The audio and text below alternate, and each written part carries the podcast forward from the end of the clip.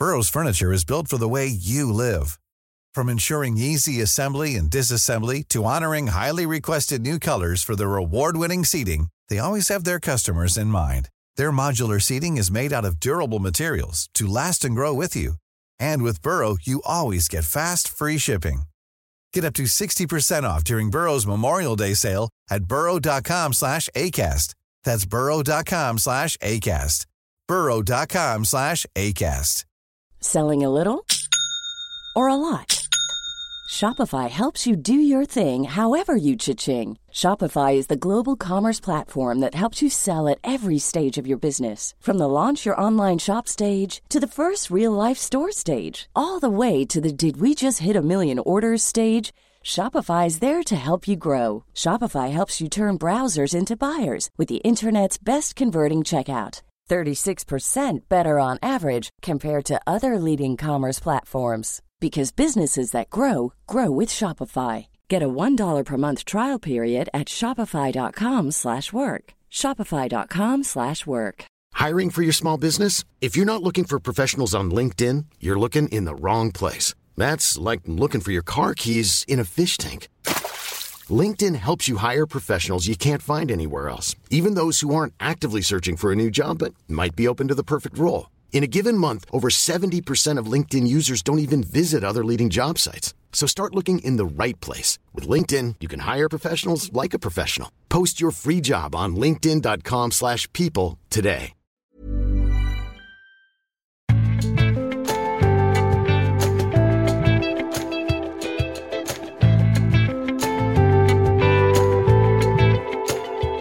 Hjertelig velkommen til denne ukens episode av Tore og Tarjei. Det er stadig en podkast fra dagen, og vi som sitter i studio er fremdeles Tore Hjalmar Sævik og meg sjøl, Tarjei Gilje.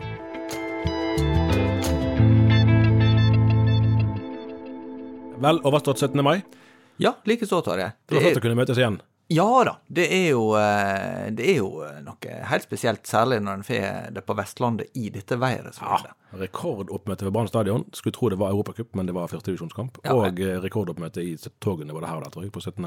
Eh, og jeg hadde, så det at det var en, en, en, en venn av meg som eh, var fra Sunnmøre til Bergen og skrev på Facebook at Bergen er den beste 17. mai-byen ever.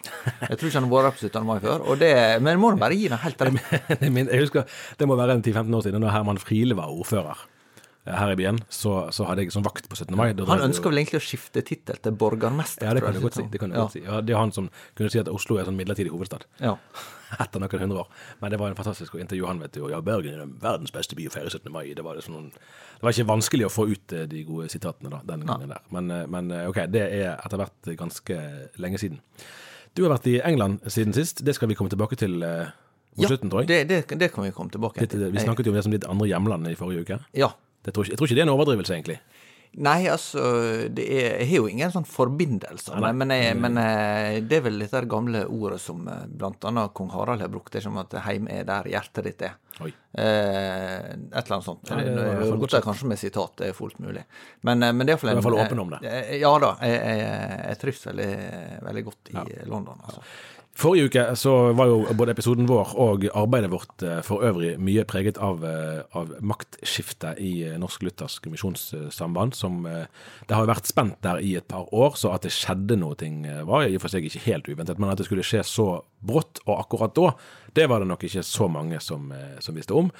Øyvind Aasland hadde da sin siste arbeidsdag forrige fredag gikk formelt av på søndag, og nå er det Birger Helland, som er en misjonsveteran som har jobbet på hovedkontoret i tror jeg 25 år.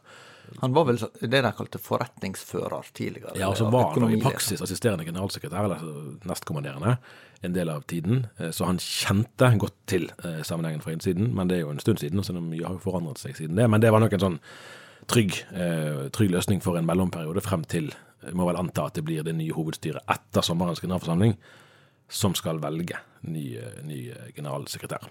Men det har vært litt dramatikk i mellomtiden òg. Ja, og det får vi jo innsyn i i media, som vi snakka om i, i, forrige uke. Så har jo denne uenigheten hatt det uvanlige preg at den kommer såpass tydelig uttrykk offentlig. ved at ledergruppa har vært så veldig kritisk til hvordan hovedstyret har håndtert hele hele saka. Og dermed så blir det jo en del debatt om det, sjøl om en del av, av avtalen mellom Aasland og hovedstyret var jo at det var, dette var taushetsbelagt. Noen ganger er det jo sånn når det er lederkonflikter at det er nettopp ledergruppen som er i konflikt med toppleder. At vedkommende har blitt, har hatt en eller annen alenegang. Her ser det ut for at det er motsatt, at ledergruppen slår ring, egentlig, om, om Aasland, mens det er hovedstyret som er motparten. da. Eh, og det, det, har jo blitt ganske tydelig, ble jo tydelig fort gjennom intervjuene på NLM sine egne nettsider, og i det vi har innhentet av kommentarer og synspunkter. Ja, og siden sist så er det også blitt eh, klart eh, i et leserinnlegg som har vært publisert både i Dagen og Vårt Land, at uh, hovedstyret også var delt med, med knappest mulig flertall. Ja, og, og, det er jo et av de punktene som, som, det er interessant tenker jeg, å reflektere litt over, òg for uh, de som ikke har noe veldig sterkt forhold til Misjonssambandet som sådan at For her er jo organisasjonskulturer forskjellig. Misjonssambandet er jo kjent for å være ganske toppstyrt. Eh, og, og, med en sterk indre lojalitet. Eh, og da er det nok svært uvanlig, må man trygt kunne si, at eh, et mindretall blant de faste styremedlemmene pluss det første varamedlemmet gikk offentlig ut på fredag og sa at de ikke var De syntes ikke avtalen var god, den avtalen som ble inngått med avgått generalsekretær Aasland. Og, og da Tidligere hadde jeg hørt litt sånn bakenforliggende, eh, og det var flere som hadde det, synspunkter om at styret var nok delt, men her fikk vi det jo med rene ord. Det var ikke nødvendig å spekulere. Her står det svart på hvitt at disse hadde faktisk ikke stemt for. De tok dissens. Eh, men, men delvis er jo det uttrykk for en større åpenhetskultur, kanskje, enn det som var tidligere. For jeg husker da Aasland ble tilsatt i 2010, mm. var vel det. Mm. Eh, da var jo styret Altså det var jo naturligvis en annen sammensetning enn nå, men eh, da var jo også styret delt, uten ja. at en betonte det som noe konflikt. Men altså det, det var jo en, en annen kandidat som, som mindretallet hadde ønska. Ja, altså det kan jo leses som et uttrykk for en, en, økt åpenhet, og det er kanskje riktig. Så kan det vel òg leses som et uttrykk for at når situasjonen oppleves eh, spesiell nok, eh, så eh, kan jo mange av oss nok være villige til å bryte noen av de prinsippene vi ellers styrer etter. Eh, og jeg tror det her noe av f.eks. av ledergruppen sin offentlige kritikk av hovedstyret må forstås litt i lys av det. At dette, det, det, vanlige er ikke at de går offentlig ut med kritikk av sin arbeidsgiver, som hovedstyret er. Nei, Og, og via organisasjonen sine egne nettsider. Det òg. Men de har opplevd situasjonen som så ekstraordinær at dette, dette, opplevde de var nødvendig. Og kanskje må denne fremferden fra, fra disse styremedlemmene òg eh, forstås i lys av det, at dette er ikke vanlig. Det er ikke vanlig for de å gå offentlig ut på den måten her, og det sier noe om hvor dypt eh, spenningen stikker for en del i Misjonssambandet. Men, men, hva er det viktigste vi har lært eller observert i løpet av den eh, ja, dryge veka som er gått siden dette her ble kjent? Ja, det, det, er nesten for tidlig å svare på. Eh, vi holder på å lære ennå. En ting som, som, jeg tror vi kommer til å snakke litt mer om, det er jo denne taushetsavtalen som partene gjensidig har inngått for nå har jo da, det har Vårt Land fortjenestefullt uh, Det er jo ikke noe avsløring, for det er basert på offentlige opplysninger, men de har likevel holdt de sammen. Nemlig at ingen av partene sier nå, verken hovedstyret eller Aasland, at de egentlig ønsket at det skulle være hemmelig. Man kan jo lure på hvem var det da som ønsket det. Det har jo antagelig vært uh, jurister inne i bildet her for å, å bistå. Uh, så det kan jo være at det kom derfra, eller andre faglige hold. Det vet vi ikke. Men, men, det gjør jo altså For Aasland sin del så er jo hans arbeidsforhold avsluttet, så den saken står jo der. Eh, Bjuland og resten av hovedstyret har jo behov for, selv om ikke han er på valg i sommer, så har jo de behov for å ha eh, opprettholdt eh, tilliten fra generalforsamlingen, men de er jo egentlig forhindret fra å kunne forklare seg. Så det er jo sånn sett et, et, et slags selvpåført handikap. Ja, hvor mye kan de egentlig eh, si da på, på generalforsamlingen? For dette er jo en frivillig organisasjon basert på medlemskap mm. og, og eh, betydelig grad av innsats. Altså, du er ikke med i Misjonssambandet for at du vil ha noen sånne personlige fordeler av det. Eh, det, det, er jo et, eh, noe du investerer i for at du, du ser et formål. Et, et, det er jo ideell virksomhet som, som, forventer at du er med, ja. rett og slett. Ja. Nei, det, og, og hovedstyremedlemmene har ikke Det er ikke noen interesseorganisasjon? Det, det, er ikke det. Hovedstyremedlemmene for den saks skyld har jo heller ikke vanlig styrehonorar. Sånn det er en betydelig betydelig eh, innsats eh, som legges ned. Nå glemte jeg spørsmålet ditt. Det, poenget mitt var mer det at eh, hvis en eh, tar utgangspunkt i dette, at det er en ideell organisasjon mm. der folk investerer mye ja. av sitt liv og sin tid og sine penger, eh, så, så vil en jo tenke ja, men, men, hva er det vi har gitt til nå, da? Altså, hva, hvorfor gikk dette sånn? Eh, jeg vil vite hvorfor det er i min organisasjon, da. Ja. Altså, at det skjedde. Det, er noe annet enn at hvis det blir blir uenighet i f.eks. En, en, en medlems, ordinær medlemsorganisasjon eller, eller en fagforening eller noe sånt. Et stykke på vei så vet vi jo ikke svaret på det, fordi at det kommer an på hva nøyaktig som står i selve avtalen. Og denne avtalen er jo heller ikke eh, gjort eh, offentlig, eh, så, vi, så, vi, kan i prinsippet ikke vite helt eh, hvor strenge reguleringene er. Hva er det faktisk de har lov å si? Det, det sto jo f.eks. i pressemeldingen eh, at Aasland hadde opplevd samarbeidsforholdet med hovedstyret krevende. og det er jo en form for uh, altså Da forteller han jo noe ting om hva som er bakteppet, men det må vi jo anta var avklart i og med at det sto i pressemeldingen. Men hvor mye mer noen av de egentlig kan si om, om hva som lå bak, det er jo antagelig uh, ganske lite. Uh, men så kom det jo dagen etter dette nevnte innlegget fra de fire, Eh, så, så, kom det jo et leserinnlegg fra Raymond Byland, altså fra hovedstyrets leder, som ikke eksplisitt handlet om eh, generalsekretæren, og han påpeker i dag, eh, torsdag, i et nytt leserbrev at han ikke skrev eksplisitt om generalsekretæren. Men det er jo likevel nærliggende å forstå teksten på bakgrunn av alt det som har vært. Der han egentlig går Han beklager eksplisitt at, at de har hatt en kultur som ikke har vært flink nok til å, å lytte, til å ta imot innspill, og opplever at det er noe av, av kjernen i problemstillingen. Og Akkurat det er det nok en hel del som er enig i. At det har vært for vanskelig å nå frem med, med ulike uh, synspunkter, særlig hvis de har gått på tvers av, av, noe annet. altså av noe, noe, som har vært en etablert tilnærming hvem som har ansvar for det, og hvordan det eventuelt kan korrigeres, det gjenstår jo å se. og Der vil jo meningene være delte. Men, men i hva grad er dette her noe som er tidstypisk eller, eller symptomatisk? For det, min magefølelse kanskje da, er at det, det er vanskelig hvis du går én generasjon og enda mer to generasjoner tilbake, og se for seg at dette skulle bli en sånn konflikt. Det tror jeg er et, et svært viktig eh, poeng her. For Hvis du går da, som du sa, en generasjon tilbake, så kunne det jo saktens være personalkonflikter og sterke personligheter av ulike typer som måtte bryne seg mot hverandre, men da ble det gjerne løst. Eh, og ofte sikkert med store kvaler og vanskeligheter for noen av de, av de berørte, men det ble, ikke, det ble det ikke offentlighet rundt på samme måten som nå. Da var jo gjerne uenighetene mer at man forsto teologien ulikt, man kunne ha, ha, ulike synspunkter på bestemte saker, men da kunne jo argumentene på en annen måte legges frem offentlig, og så kunne enhver ta stilling til det som man ville. Eh, nå ser vi jo mer, og det gjelder jo slett ikke bare i Misjonssambandet, eh, at kommunikasjonsform, stil, kultur eh, blir gjenstand for kritikk. Og, og, kan, og, sånn er det jo for så vidt generelt sett òg, at hvis mange nok i en bedrift eller i en organisasjon er skuffet over lederen, så mister vedkommende etter hvert tillit og får ikke lenger gjennomført det som han eller hun ønsker. Og da eh, er det jo gjerne lederen som må gå. Så i og for seg er ikke det eh, helt sånn at det oppsto liksom, de siste par årene. Men styrken her, styrken i kritikken mot eh, Øyvind Aasland, fortjent eller ufortjent, har nok vært av en annen, et annet kaliber enn det man hadde opplevd i møte med lignende situasjoner i tidligere tider. Og det er nok noe man må forholde seg til, enten man vil det eller ikke. Men er det noe som vi ser i forskjellige organisasjoner og eh, kirkesamfunn, at, eh, at dette er gjenkjennelig? Ja, for dette tror jeg jo er et helt altså Det er lett vil jeg si, å se det i både i politikk, i næringsliv, i andre kirkelige kristne sammenhenger. Jeg skal være forsiktig med å trekke sammenligninger eh, direkte, for sakene er jo ulike. Eh, men, men vi kan jo bare nevne stikkord Hillsong. Sant? Der, der, med Brian Houston så ble det jo nå Altså det som var mer utsvevende, eh, eller i hvert fall eh, åpenbart klanderverdige ting.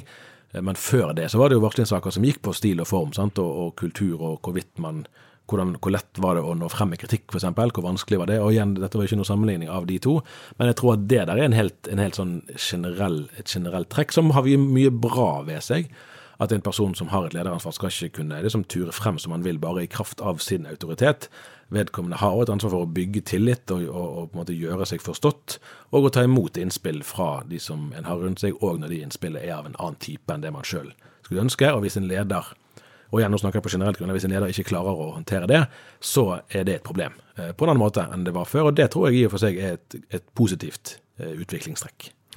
Eh, det har jo vært en del ytringer, både i form av, av, leserinnlegg, men også at vi har fulgt etter journalistisk den siste veka. Er det noe du syns er særlig interessant av det som er kommet fram? Og, og også lurer på, ser vi noen slags bilde av, av hvordan organisasjoner tar imot dette?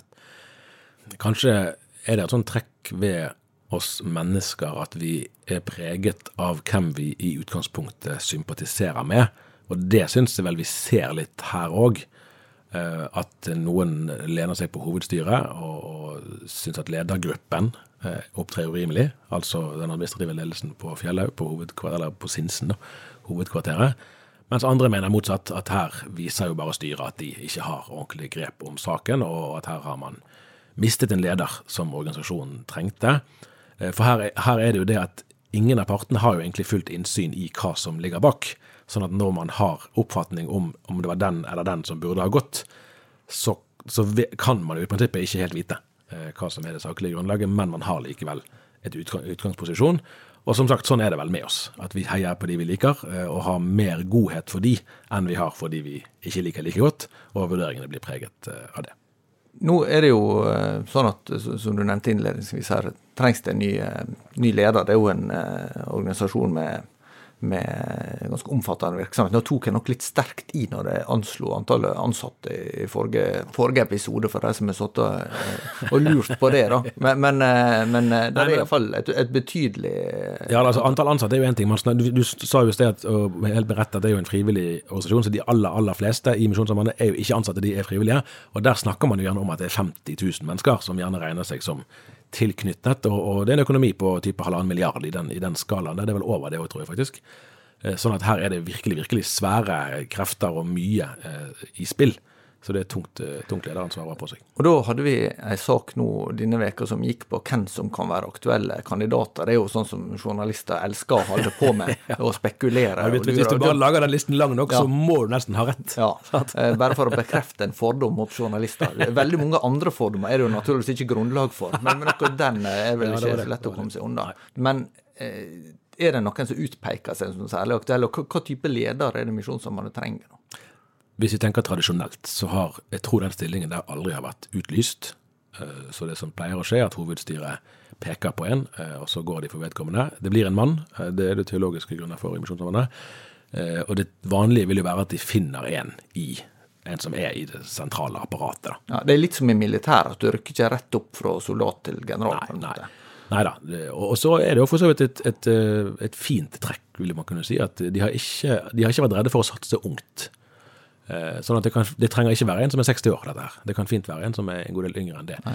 Det som jeg er spent på nå, eh, er om, om de eh, vil si utpå sensommeren antagelig, eller utpå høsten, når de for alvor skal begynne dette, at ok, nå er det på tide å tenke annerledes og rekruttere på en annen måte enn vi har pleid å gjøre, og kanskje spørre hva slags kvaliteter er det vedkommende bør ha, hva er det vedkommende bør kunne, og så begynne jakten etter det, fremfor nå vet vi ikke nøyaktig hvordan det har vært før, sant? Eh, men det er ikke automatikk i at man må hente fra egne rekker. Hvis man skulle gjøre det, så, så er det jo en hel del kandidater som, eh, som altså, eh, Espen Ottosen har jo fungert som generalsekretær når Aasland har vært vekke eller har vært sykmeldt i perioder. Han har jo i hvert fall vært så sterk i kritikken at det er jo ikke opplagt at han vil være aktuell nå. Og det kan jo være andre i ledergruppen, men de òg har jo flere av de. For det vil jo være det letteste stedet å hente fra, er jo de som kjenner allerede det indre livet godt fra ledernivå. Men der spørs det jo om noen av de er aktuelle, det, det vet jeg ikke. Uh, om de er interessert. Der er en som heter Jarleif Gaustad, som, vi, som står på listen. Han leder, eh, eller har i hvert fall inntil nylig ledet det som heter Sendt Norge, altså menighetsplanterbevegelsen. Han har fungert som leder i NLM Norge i en periode. Man kan jo tenke tilbake til Øystein Engås, som var den som nesten nådde opp i 2010. Han hadde vært utenfor eh, Misjonssambandet sånn jobbmessig i en del år. Det spørs om han ønsker seg tilbake igjen. Hvis man ser enda lenger utover, så kan man tenke på en Tor Erling Fagermoen som vi hadde på besøk her i fjor, vel. Som nå er pastor i Bergen frikirke, som har vært leder, generalsekretær i laget i Norge og etter hvert i Europa. Han var jo landsungdomssekretær for nesten 20 år siden. ja, I Misjonssambandet. Ja. Og rektor på bibelskole på Fjellhaug. Ja, ja, det som nå er leder i NLM Ung. Så det, eh, men det, det, spørs jo da om, om, disse som nå har vært på utsiden en god tid, om de overhodet er interessert i å, å, komme tilbake til det som helt klart må være en, en tung lederoppgave. fordi at selv om nå Åsland har gått av, så er det ikke sånn at alt er nå fred og fordragelighet og alle er bestevenner. Eh, dette blir en, det blir en tung jobb å, å på en måte samle kreftene og kanalisere energien der man vil. Altså Det der, det der blir virkelig, virkelig eh, spennende. å se. Både, jeg vil si både prosessen, altså hvordan man gjør det, om man gjør det på samme måten som før, eller om man henter inn eksterne rekrutteringsbyrå, kjører en eller annen åpen prosess, inviterer til innspill om både egenskaper og personer, eller om man har en mer sånn lukket målstyrt, liksom vi peker på den og ansetter vedkommende, og så når, når, Egil Grandhagen gikk av, husker jeg, som da var før Tulluan igjen, som var før Aasland, så, så Her, har du sånne kongerekker så får å få, få, få ja, for Nå er vi jo tilbake til rundt årtusenskiftet. Ja. Så ble vel sånn eh, Egil Grandhagen går av, her er nestemann. Altså ja. Da var det klart på dagen omtrent. I hvert fall sånn jeg husker det. Eh, eh, og det var jo sånn man kanskje kunne gjøre mer før. Eh, nå er det nok vanskeligere å få legitimitet eh, rundt et sånn prosess. Men eh, hovedstyret har privilegiet å ansette, så de, de gjør det sånn som de, som de vil. Vi skal litt eh, videre over til et nokså uvanlig utspill på Facebook, som ble omtalt her i avisa. Men eh, det skjedde jo på Facebook at eh, biskopen i Stavanger, Annelise Odnøy, gikk ut med egentlig en slags bekymring knytt til at Høyesterett i USA kan komme til å omgjøre abortdommen Roe versus Wade, og dermed at eh, abort ikke blir tillatt, eller at det blir vesentlig sterkere restriksjoner på det, kanskje rundt halvparten av, av delstatene i USA, som vi, vi, har vært inne på her tidligere. Men det som kanskje gjorde dette enda mer spesielt, det var jo at hun avslutta innlegget med ei bønn om at eh, abortrettighetene ikke måtte eh, forsvinne. Dette var 11. mai forrige uke. Jeg tenkte jeg kunne lese opp den bønnen, for den er jo bare et par setninger lang, så den er ikke lett å, eller raskt å komme gjennom. Gode Gud, du som skapte kvinner i ditt bilde, gjør det mulig for de amerikanske kvinnene som blir ufrivillig gravide, å avbryte svangerskapet innenfor lovlige, trygge rammer. Amen. Det var den bønnen. Ja. Og dette er jo noe med å se det i et historisk perspektiv. For, for uh, går en uh, lenger tilbake, så var det nokså selvsagt at biskoper i Den norske kirke skulle markere veldig tydelig at abort, det var å ta liv. Eh, og det var ikke noe som kirka kunne forsvare. Men så kom det jo en, en uttalelse som har vært omtalt i ganske, ja, nokså utførlig eh, i dagen for 2019. 2019 ja. ja. Eh, der de eh, prøvde vel egentlig å si ganske mye forskjellig på én gang. Det er nok et spenn i bispekollegiet på dette punktet. Eh, og det var jo i og for seg ikke noen stor overraskelse at den uttalelsen var omtrent sånn som den var, men den hadde nok ikke sett sånn ut i det hele tatt 10 og 20 år tilbake i tid. Og nå har hun, eh, altså Oddnøy har presisert i jeg tror det er to, i hvert fall to innlegg etterpå at denne teksten her ble nok lest mer eh, radikal enn den var ment. At hun sier nå at tolvte uke, der bør grensen gå. Den bør ikke utvides lenger enn det. Så det er ikke sånn at hun heller ønsker noe sånn generelt frislipp, at alle som ønsker abort, bør få det. Men og, og, der er det jo likevel, et vesentlig poeng altså i den amerikanske situasjonen at det som er gjeldende nå, er jo at, eh, at alle delstater må tillate abort fram til fosteret er levedyktig. Altså det, det mest radikale forslaget som har vært på, på banen her i Norge fra uh, Rødt. Rødt er veldig mest, ja. ja og til dels SV. ja. ja. Eh, så det, det, blir jo kanskje oppfatta sånn, men, men prinsipielt så er det jo likevel et tydelig linjeskifte. Det er akkurat det, for Når hun sier det med at de skal, grensen skal være tolvte uke og ikke mer altså liberalt eller seinere i svangerskapet enn det, så er jo det naturligvis mer moderat enn de nevnte venstrepartiene her. Men at en biskop åpent sier at det skal være greit med selvbestemt abort frem til tolvte uke, eh, ville jo vært ganske utenkelig. Eh, for, eh, for, eh, ikke så veldig mange år siden. Og dermed har jo reaksjonen òg vært sterke. Og det skulle ikke komme som en overraskelse. At når en biskop til og med bruker bønneformen for å støtte opp under det mange kristne mennesker vil si er en, en ukristelig praksis, så vekker det altså At det vekker reaksjoner, det er naturlig. Hva er det vi ser når det gjelder reaksjonene? Hvem er det som reagerer, og hvordan reagerer de? Det er vanskelig, syns jeg, å ha noe helt klar formening om det. Et sånt trekk her er jo, er jo uh, naturligvis at uh, det er jo uh, en viss snittalder, og det er jo òg en relativt høy andel menn som reagerer. og hun skriver vel det i, om det var i samme innlegg eller et eller annet innlegg, at jeg har levd et langt kvinneliv, skriver hun. og, at, og det er noe av, av beveggrunnen for å skrive som hun skriver. og der er nok en del kvinner som vil si at det, det er vanskeligere å innta Eh, kategoriske standpunkter når man faktisk står overfor de situasjonene som, som det her er snakk om, og vil understreke at det hun biskopen sier er ikke et generelt frislepp i holdningen til, til selvbestemmelse. Men det er jo definitivt òg mange kvinner, både unge og eldre, som reagerer sterkt. og det Kommentarfeltene på Facebook-siden til biskopen bærer òg preg av det. At det slett ikke bare er sånn at det er gamle menn som reagerer. Det er definitivt folk fra forskjellige aldersgrupper og av flere kjønn. Ja, og, og, og det, det, var jo også interessant fra eh, Sofie Braut, som var gjest her eh, i, i podkasten, mm. som har sittet i bispedømmerådet. Jeg vet ikke om hun satt der med Odnøy og vært biskop. Nei, det var vel før, ja. Før det, ja. Men, men eh, likevel som, som, reagerer veldig sterkt ja. på det ut fra et eh, prinsipielt ja eh, synspunkter. Men her er det jo det, er jo det dilemmaet i andre enden som nok Ådne kan lene seg litt på. Sånn at Heller ikke KrF har jo egentlig klart å utforme noen helhetlig politikk i nyere tid som sier hva, hvor vil de sette grensen. For eksempel, for her er det jo formuleringen i bønnen at de som, amerikanske kvinner som blir ufrivillig gravide. Sant? For der oppfatter jeg jo at langt inn i abortmotstandernes rekker så vil jo mange si at når det skjer voldtekt eller incest, eller når det er fare for mors liv, så vil abort kunne være legitimt, selv om man på generelt grunnlag er imot. Og så ufrivillig gravid, hva er det? Sånn, sånn at eh, Det er jo noen sånne skranker i teksten som gjør at, eh, at den er mindre eh, dramatisk enn den kanskje først kunne virke som, men selve det at en biskop bruker bønneformen i en sånn sammenheng som dette, det, eh, ja, som sagt, det vekker reaksjoner. Det er ikke men, men, det går vel også litt på forståelsen av hva, hva som er en biskops rolle. Ja, ja. For, for, det er jo ikke nødvendigvis forventning at en biskop skal ha klar skisse til, til hva, hva lovgivning som bør gjelde. Nei, man, altså Biskopen velger jo hvilke saker man engasjerer seg i, og som vi har snakket om, som du var innom i sted, at det er ikke sånn at den amerikanske lovgivningen heller kommer til å bli at nå er det forbudt med abort rundt omkring i delstatene.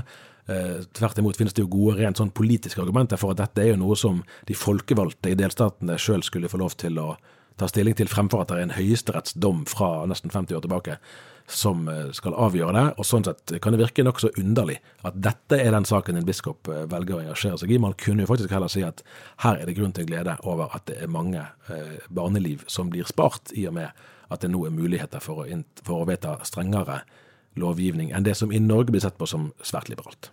Hvis det, altså SV f.eks. sitt forslag skulle bli vedtatt.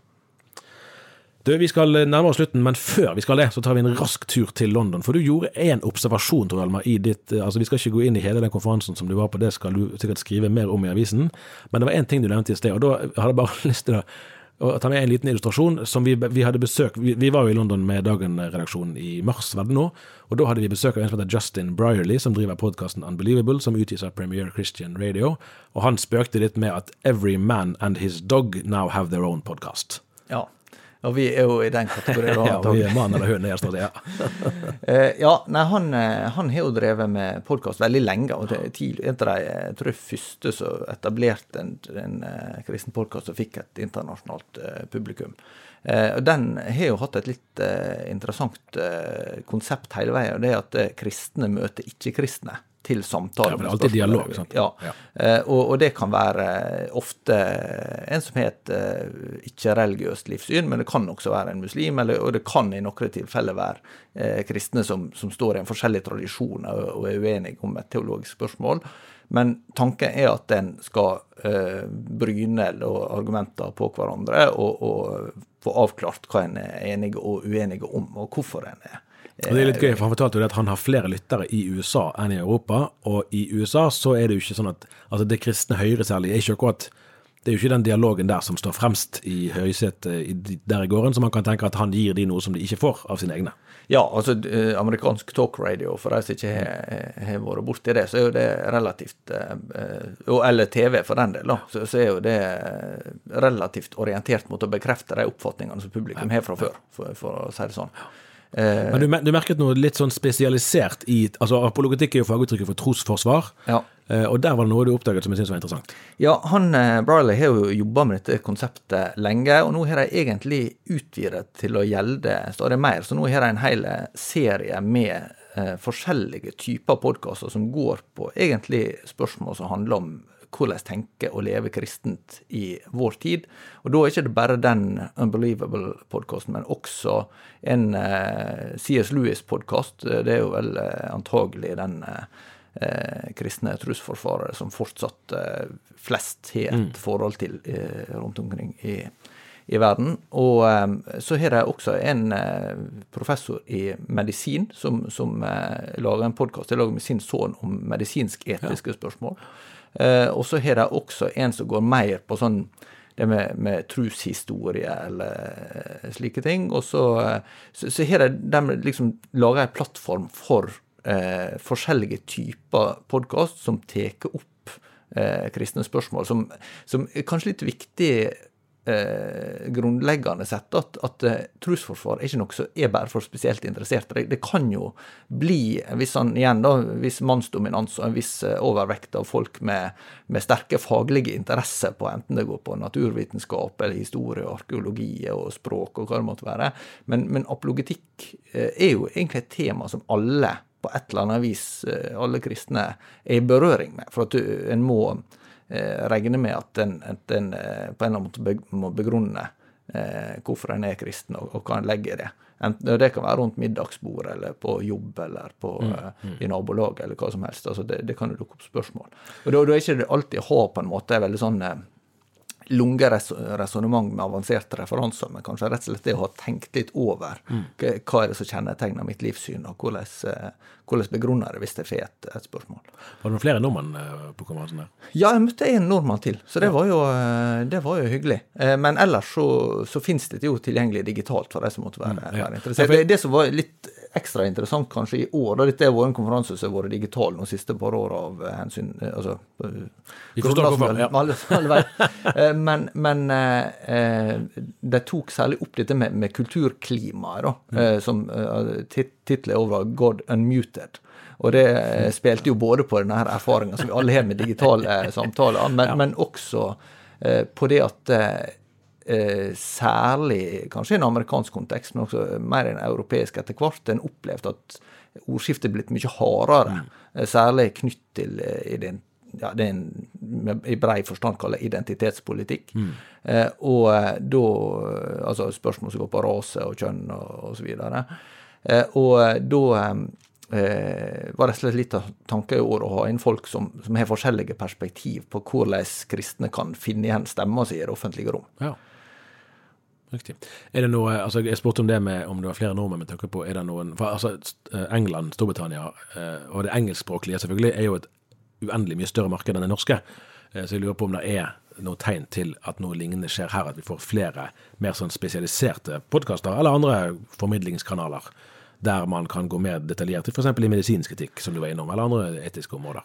Ja, jeg vet ikke om det foregår noe initiativ for å samle det. Der er jo, eh, der er jo eh, en litt annen struktur mm. som vi har vært inne på med organisasjoner og sånn før. Men vi har jo, jeg tenker særlig Damaris og, og Veritas-konferanse er vel eksempel på, på aktører som, som eh, aktualiserer det med apologetikk i Norge. Så det, tror jeg egentlig at det er visse eh, miljø som er ganske oppegående og vitale. Mm, mm.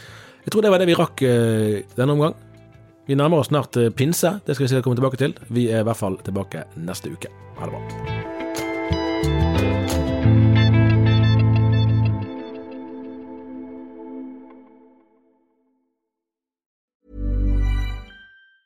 Planning for your next trip?